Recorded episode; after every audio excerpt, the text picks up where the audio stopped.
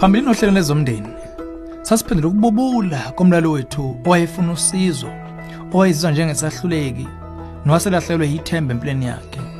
Ukukhala onjalo kuyithinta ngokujulile inhliziyo yethu futhi siye sifuna ukungenelela sisize ngokusheshsha. Namhlanje sizoletha izibiba einamava okwelapha lesi simo. Khona la ohlelweni ezomndeni.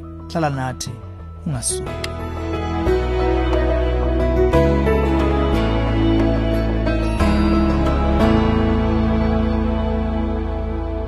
Intobeko ngiyakubingelela mlaleli.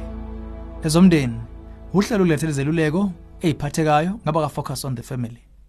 Umlalo wethu waveza ukububula kwakhe nanka amagama washo ukuchaza isimo sakhe kuso ngiyayizonda engikho nenguye ngizizwa ngingongcole kunabantu bonke emhlabeni. Nempilo yami yobudlane yezothanda isemabibini nayo futhi. Ngizizwa ngiphukile angifanelwe ukujabula. Ukuqhubeka la isagcina khona phambilini. Isiphamiso sethu ngokuthi ungene olulekweni nongoti abangamaKristu kumbe ungoti ongumKristu ongakusiza ukuguqula izinto.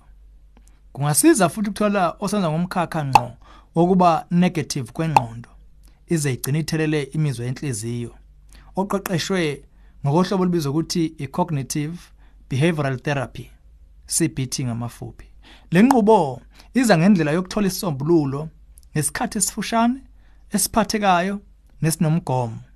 Inqobo yakho konke ukuguqula imigudu yemicabango eqhuba imizwa yenhliziyo ekuzisa ubunzima osube nabo. iCBT ingakusiza ukubuyela emzweni wokulawula impilo yakho. Lokho kuyoba semqoka njengokuba kubuke ukukhungathekile futhi awazi usilawula kanjani lesimo umeluleki wakho angaqala ukusenza nawe ngemigomo emfushane engasebenzeka.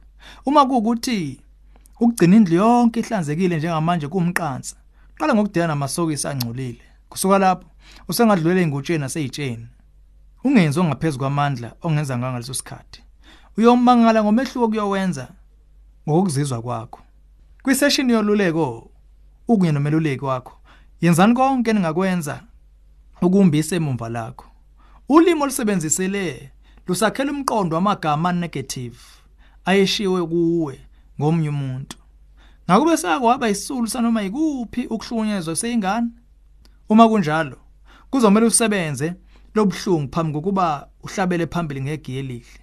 Kuyavamisa ukuthi isulu zokuhlukunyezwa ziphila ngokuzenza zona isulu isibili enhlizweni. Inqobo nje uma usazizwa uyisisulu soze waphumela ukuzwa ukuzimela kumbe ulawulo ngempilo yakho.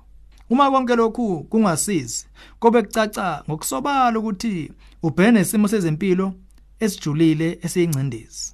Okuningi okushilo kubuye kusikhombisa lokho. Ingcindezi yezempilo ngokwengqondo kusemqoka kuba yelapheke. Iyinto engomuzwa wenhliziyo ofika isikhashana nje kodwa ihamba ihamba iphazamise zonke izingxenye zomzimba nemudi yakho.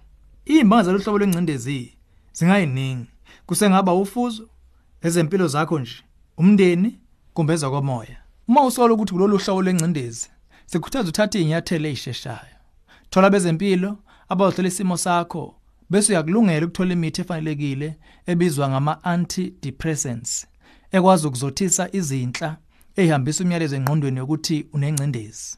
Ezinye zezimpawu zengcindezi yezempilo ngokwengqondo kungaba ukushaya kwenhliziyo mawala majaqaba sifubeni avamisa ukubonakala kubantu ababhekene nokukhathazeka. Ngakho kusemqoka ukuthola ulapheko kungoti okufundele lokho. Udokotela kumbe psychiatrist isengaluleka indlela ethile yezokudla nokuyinakekela ngokwenhlazeko engadambisa lesimo ekuphetheni sithanda ukuncenga futhi usheshe uthole usizo kongoti ngokusheshsha umnyango wezokululeka focus on the family ungakuxhumanisa nongoti abangamaKristu eduzane nawe abasenza ngohlobo lweinkinga enjengale yakho. Abaleki bethu bothokoza futhi uxoxa nawe ngocingo. Cela ube usishayele ku-031 716 3300 kumbe ungene ku-safamily.co.za bese uthi cofo ku-counseling link. Lolu hlelo ezomndeni ulethulelwe yi-focus on the family sihlangabezwa hlelo luzayo sesihlabelisa phambili umndeni wakho.